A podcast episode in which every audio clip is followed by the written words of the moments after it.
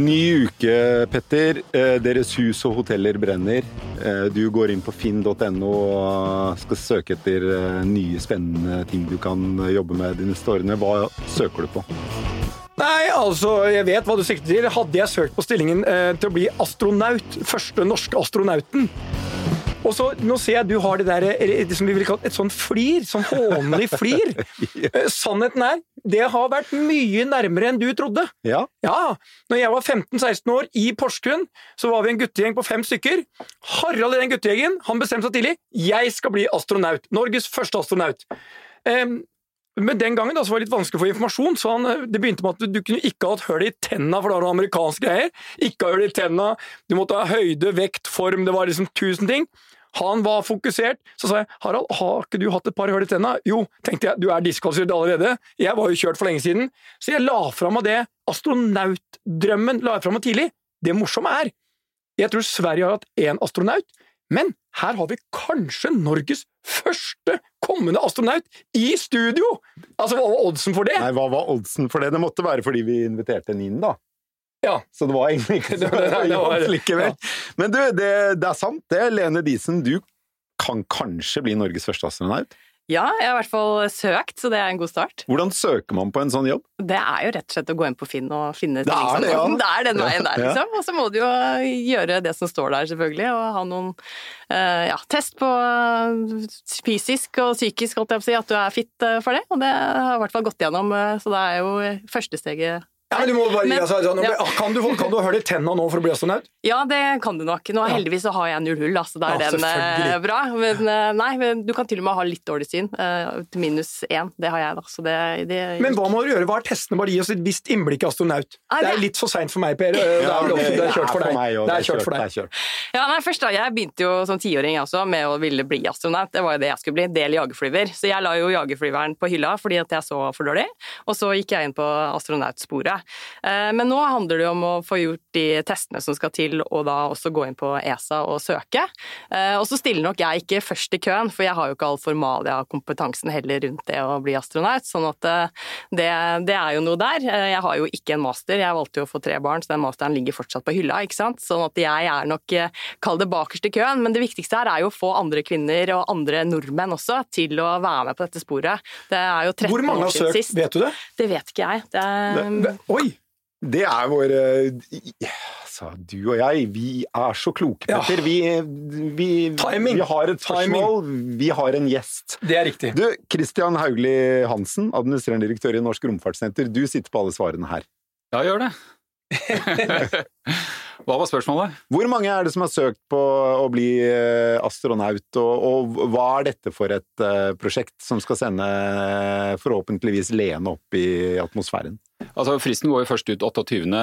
mai, sånn at vi kjører jo fra Romsenteret en kampanje nå for å få flest mulig folk til oss å, å søke og få øynene opp for at dette her er en spennende mulighet. Sånn at vi vet ikke hvor mange som kommer til å søke fra Norge, og heller ikke totalt. Dette er jo alle ESA-medlemsland, altså medlemsland i den europeiske romfartsorganisasjonen, kan søke her. Men det jeg vet, det er at det forrige astronautopptaket i, ESA, nei, i NASA, som var ferdig i eh, 2016, der var det 18 000 søkere eh, til ti stillinger. Sånn at det, er trangt i døra, og her er det bare å gutse på. Jeg syns det er veldig spennende at du bare eh, står på at dette skal du gjøre. Det syns jeg er utrolig varsel. Men eh, hva slags eh, rakett er det ESA skal sende opp? Eh, ESA har ikke eh, egne raketter for å drive bemannet romferd, sånn at eh, dette blir i samarbeid med amerikanerne. Ja. Altså, du får kjøpe bare en plass i baksetet? Ja, men altså, dette forhandler man med russere. Man forhandler... Amerikanerne har jo holdt på med russerne i årevis, siden de satte romfergen på bakken. Sånn at uh, russerne har jo på en måte vært amerikanernes vei opp til den internasjonale romstasjonen. Så nå var det jo første gang nå hvor de sendte opp denne Crew Dragon med Elon Musk og sånt nå, SpaceX. Det var nå i fjor. Og da er amerikanerne tilbake igjen og kan sende opp egne astronauter, og det, det er det Europa kommer til å bruke. Men, okay. men jeg må bare, spørre, bare sånn, så at vi plasserer Christian på eh, hvor han er. her sånn. Ok, Du kom fra stillingen som executive vice president i Kongsberg Space and Surveillance, men det som er mye fest, fetere Du har master i fysikk, med spesialisering innen laser and spektrokopi. Altså, Det høres litt James Bond uh, ut, dette her. Jo, men det er jo ikke rart det endte opp der det er. ja, jeg vet ikke, Var det en av heltene? James Bond? Ja. ja, ja. Du husker den derre Moonraker? Ja, ja. Der hoppa han fallskjerm, og han var på, på, på romstasjonen og sånt. Nå. Det var jo stilig. Det, eh, romfart har jo blitt, plutselig blitt eh, big business. Eh, SpaceX, som du nevnte, som er Elon Musks eh, romfartssatsing, har jo investert gud vet hvor mange milliarder kroner eh, i romfartsindustrien. Mm. Hvorfor er plutselig romfart en industri som vi snakker om igjen? For den lå jo brakk ganske mange år. Ja, det er nok ikke riktig at den har ligget brakk, men det har stort sett vært det vi kaller for institusjonelle programmer, altså store sånne government-programmer mm. og sånt noe. Kjørt gjennom NASA, kjørt uh, gjennom uh, Forsvaret i de store landene og kjørt gjennom den europeiske romfartsorganisasjonen. Det man har sett de siste årene, det er jo at teknologien er blitt mer moden og den er blitt mer tilgjengelig. Og der har man det man kaller for new space, kan du si revolusjonen. da. Og det gjør at det er blitt mange flere land som har egne satellitter og som er med på leken. Eh, I Norge så skjøt vi nå opp for 14 dager siden vår femte satellitt, som et Norsat 3, som har spesielle anvendelser bl.a. for overvåkning av maritim trafikk i norske farvann. Men det, jeg tror det er veldig lite kjent. Fordi når jeg begynte å se litt på liksom, eh, hva vi skal snakke om i dag, så var det én ting som slo meg. Altså, Norge har jo et stort miljø, omsetter for 7-8 milliarder innenfor dette området. Altså, vi sender opp raketter fra Andøya Space Center, og vi samarbeider med NASA. og vi leverer. Kan ikke du bare si litt om hva er det og du har på deg en T-skjorte som heter ja. Apollo 11. Du, dette er en eh, sånn eh, special edition signert av Buzz Aldrin. Eh, som jeg fikk da jeg spiste lunsj med han for halvannet år siden. Han er en av mine barndomshelter. Hvorfor ikke han som var først ned på jorda? Buzz var jo nummer to. Han kom ut trappa litt ja, seint. Fordi han var død. Neil Armstrong han døde i 2012, så jeg har ikke truffet han. Ok, Men jeg, har et spørsmål til deg. bare det er sånn, vi, er sånn, uh, vi har en sånn quiz tatt rett fra huet. Hva var spesielt med Apollo 13? Apollo 13 fikk en feil i framdriftssystemet sitt. De fikk en eksplosjon i, i, uh, i det som kaltes for røresystemet. De hadde oksygentanker, og når det frøys, for det er kaldt oppi der, så ble det litt sånn slushaktig, så de hadde sånne egne sånn røremekanismer for å få dette til å gå.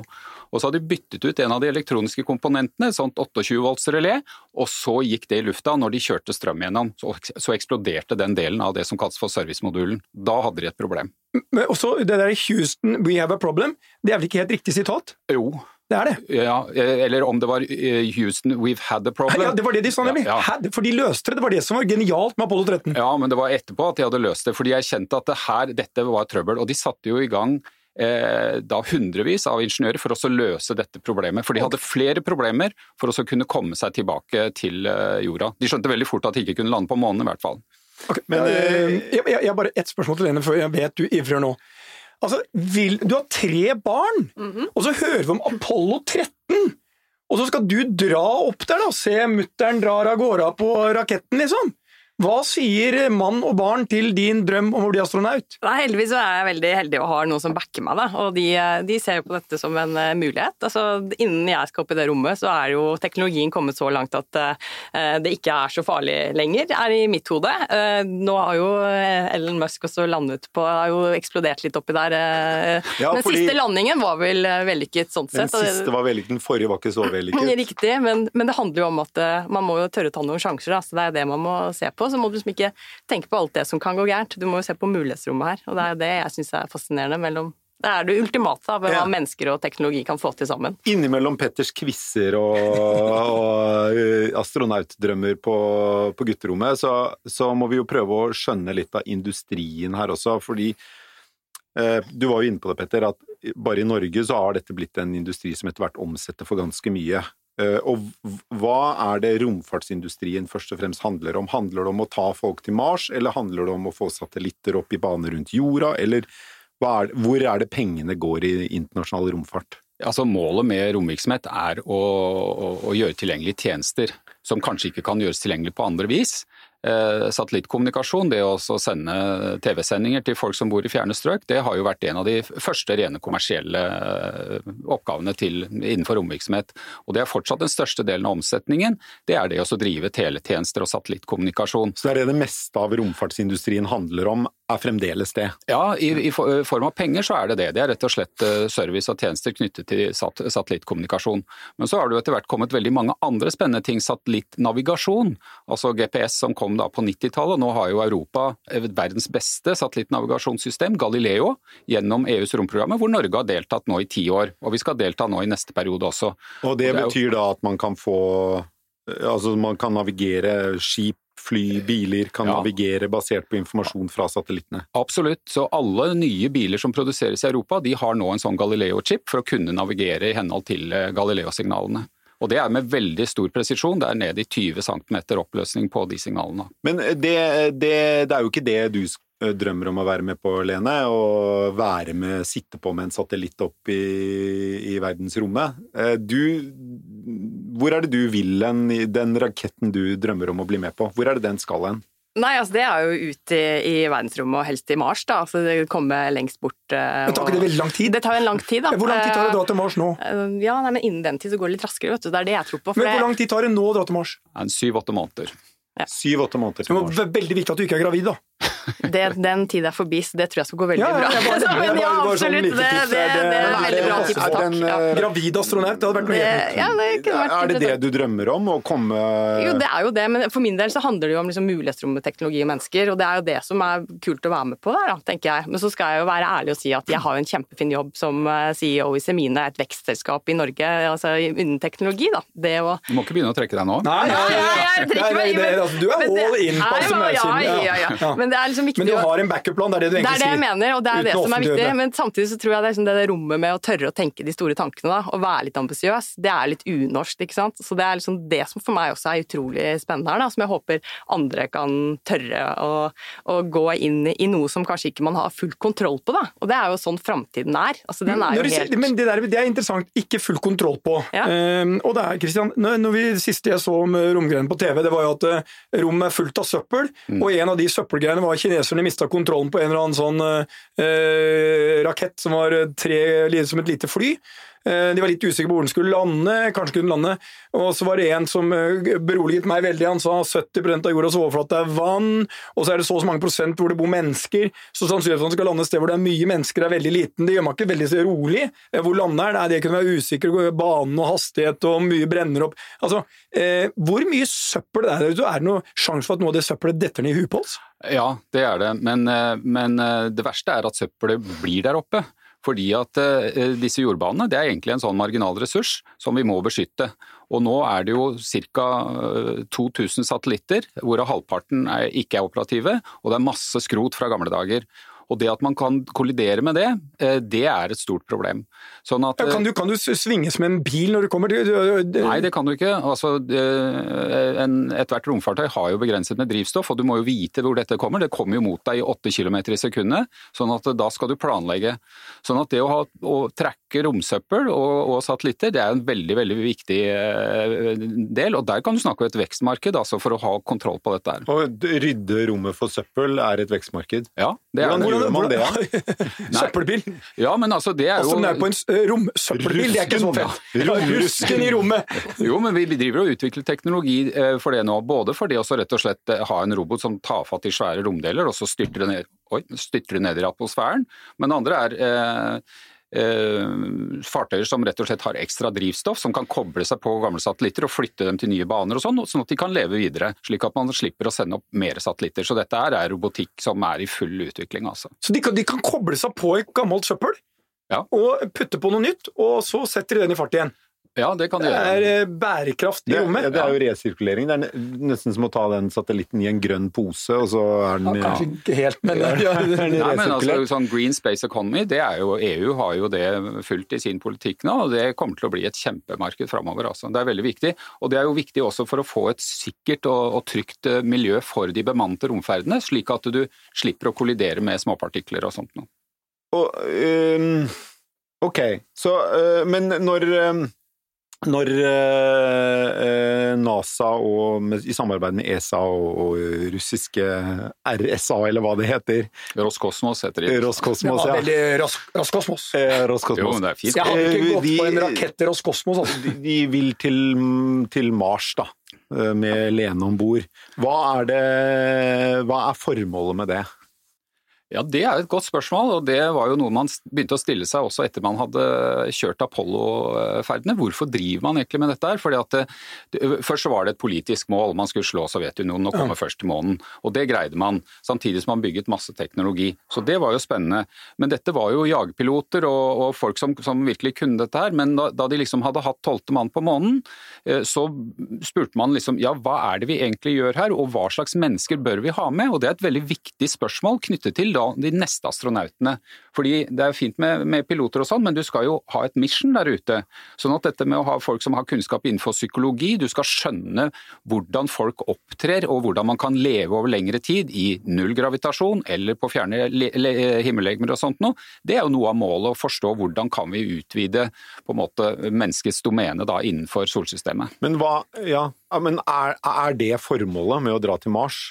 Det å bare utvide menneskets domene over eh, romområdet, eller hva du sa? Jeg tror det er et grunnleggende behov i mennesket for oss å utforske, altså. Men så har du det andre elementet, det er liksom kan dette kommersialiseres? Og det er også, dette forstå romøkonomi, det er et veldig veldig spennende tema. Fordi at du har eh, gjerne en ganske stor upfront-investering, og så er det spørsmål hvordan kan du få retur på de pengene. Og det er egne konferanser på dette her. Og Den beste sammenligningen jeg har på det, er norske investeringer i olje offshore, hvor du kanskje investerer 100-200 milliarder, og så har du return innenfor 30-40 år, og her kan du kanskje gange med 10. Eh, fordi at du må se er det ressurser der ute som er interessante. Så det er ikke bare langsiktig, det er, sånn, det er langsiktig plage, som om du skal klatre resten av livet. Eh, friklatring uten sikring. Eh, mye penger. Eh, avkastningen er evigheten, og nedsiden er enorm. Det er vel kanskje ikke akkurat noe du hadde investert i, Per? Ikke, ikke med, med så stor usikkerhet, nei, det hadde jeg ikke gjort. Eh, men eh, jeg, jeg, har et spørsmål. Bare sånn, eh, fordi, eh, og det er mer Du var innom det, Christian. Sånn, når man gjorde den første, når han var vel Kennedy som sa vi skal putte en mann på månen innenfor dette tiåret eller noe ehm, Jeg hørte, jeg vet ikke om det er riktig, at det var 400 000 mennesker involvert i det prosjektet, mm. og at det avfødte Altså, det kom så mye teknologi ut av det. Så når du snakker om avkastning En del av avkastningen må jo være enormt teknologisk eh, Altså for, nye ting som kommer. Ja. Hvor mye tror du kom ut av Bortsett fra at de putta mannen på månen, da. Men har man sett på det, liksom? Hva kom ut av det for menneskeheten? Ja, altså For det første er det helt, helt riktig at det, det, var, det, var, 400 000 mennesker som jobbet for dette. her, og De jobbet utrolig målrettet, og de utvirket i veldig mange kan si, parallelle gater for også å være sikre på at de, de kunne finne det beste, for de hadde dårlig tid.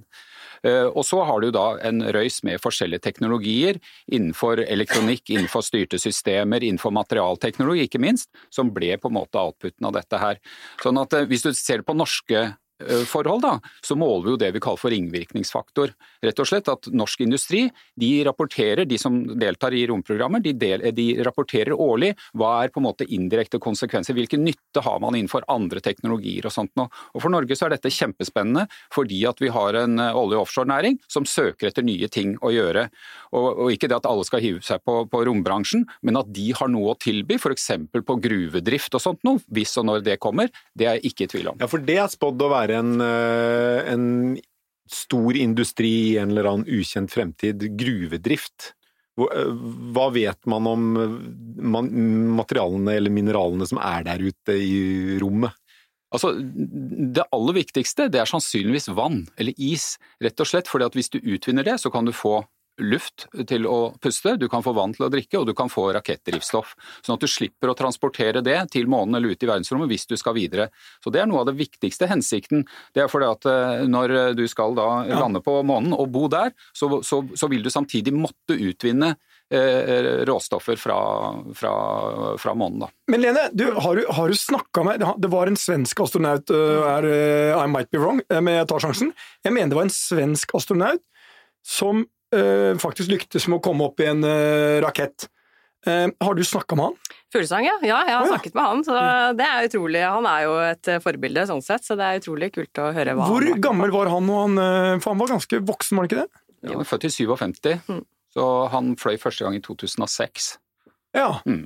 Så, så godt voksen når han ja, tok Så du har god tid. Hva? På min alder, da. Ja, Godt voksen er vel ikke fortsatt ganske innafor, da. Ja. Eh, men men når, hvor, når, se, hvis, hva er, så- når er det du eventuelt da setter deg i denne marsjraketten?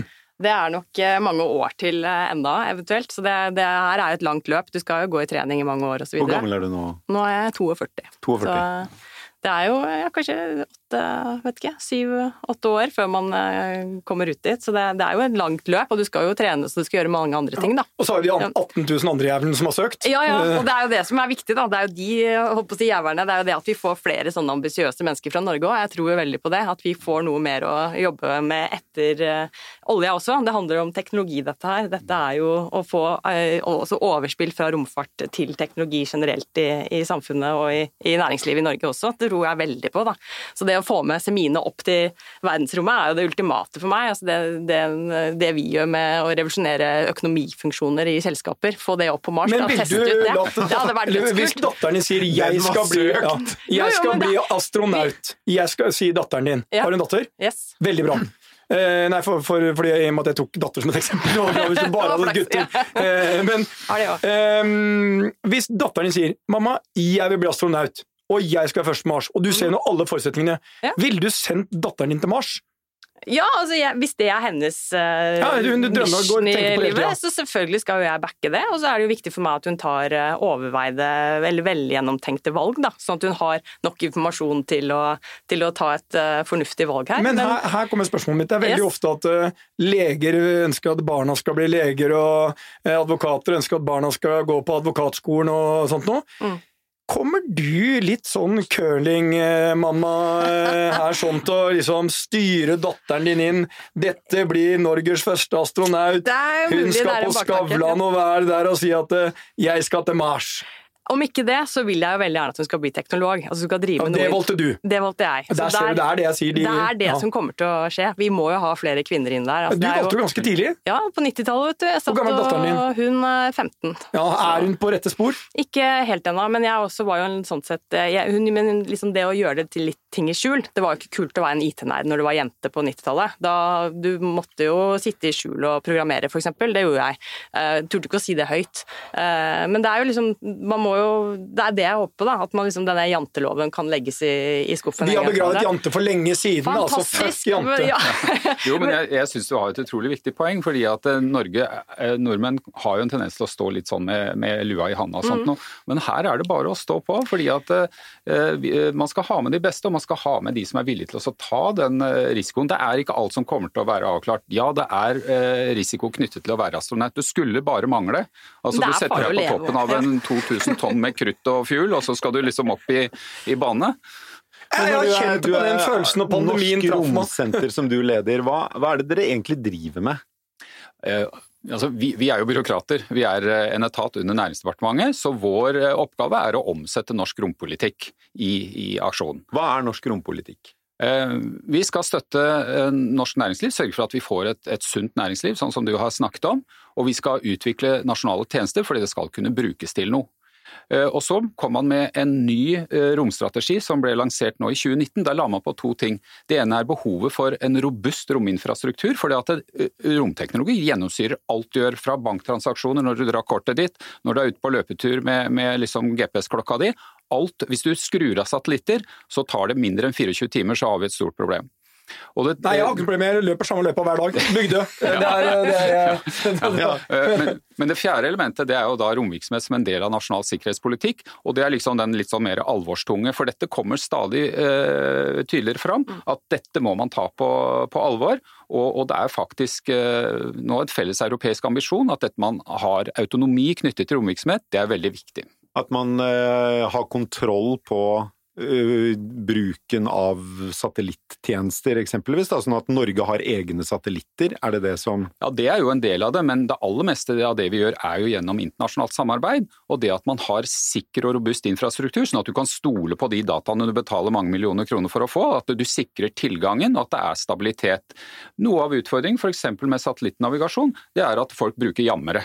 Ikke sant? Eh, Lastebilsjåfører som ikke vil at eh, oppdragsgiver skal vite hvor de er. og sånn. Det er jo et kjempeproblem, for plutselig har du luftambulansen som er avhengig av å styre på GPS eller på Galileo-signaler, og som da kjører feil. Fins det romfartskriminelle? Altså Eh, romkriminelle? Her kan du være helt ærlig. Altså, Jeg må bare si en ting. Du sa jeg er byråkrat. Altså, du, er, du ser ikke ut som en byråkrat. Eh, så her kommer du i en eh, skjorte. Jeg tror du har vært på sånn Iron Maiden-konsert og ser ut som en gammel eh, en litt gammel rocker. Så du ser ikke ut som en byråkrat. Men fins det noe, hvis du, og her kan du være helt åpen, er det noe romkriminalitet? Eh, ja, Hvis du skal liksom ta på den politiske hatten, så tror jeg du kan si ja. Fordi at de store nasjonene er nok interessert i å ødelegge for hverandre. Eh, fordi man ønsker rett og slett hegemoni. Hvem er det som, som har kontroll med trafikken? Hvem er det som, eh, som vet hva de andre gjør?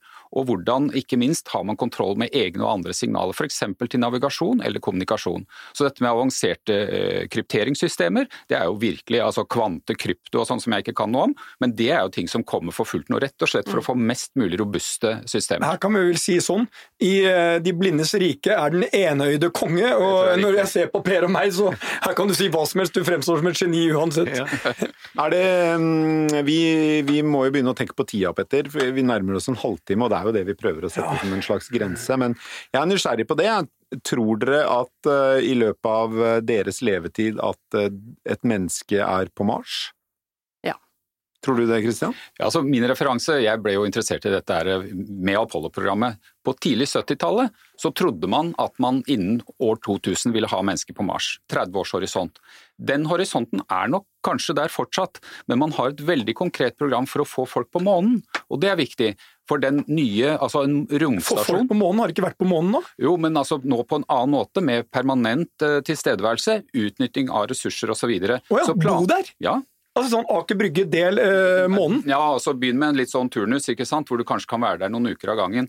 Men planlegging av den som heter Lunar Gateway, som er en liten romstasjon som skal gå rundt månen, den er i full fres, den. Og Norge har kontrakter som skal være med på dette her. Men gå går rundt månen, ikke være på månen? Jo, men være, de trenger et sånn brohode, sånn at du kan fly dit, og så kan du dokke på den, og så kan du ha skytteltrafikk ned på mm. månens uh, sørpol, hvor disse her stasjonene, eller permanente uh, stasjonene skal være. Da. Det høres ut som at du ikke da er like sikker som Lene på at vi har eh, en mann eller kvinne på Mars i vår levetid? Eh, jo, jeg tror faktisk det. Ja, og så spørs det hvor lenge, og så begynner du å bli gammel, som du sier. Men, men, altså, de blir gamle, altså de blir jeg.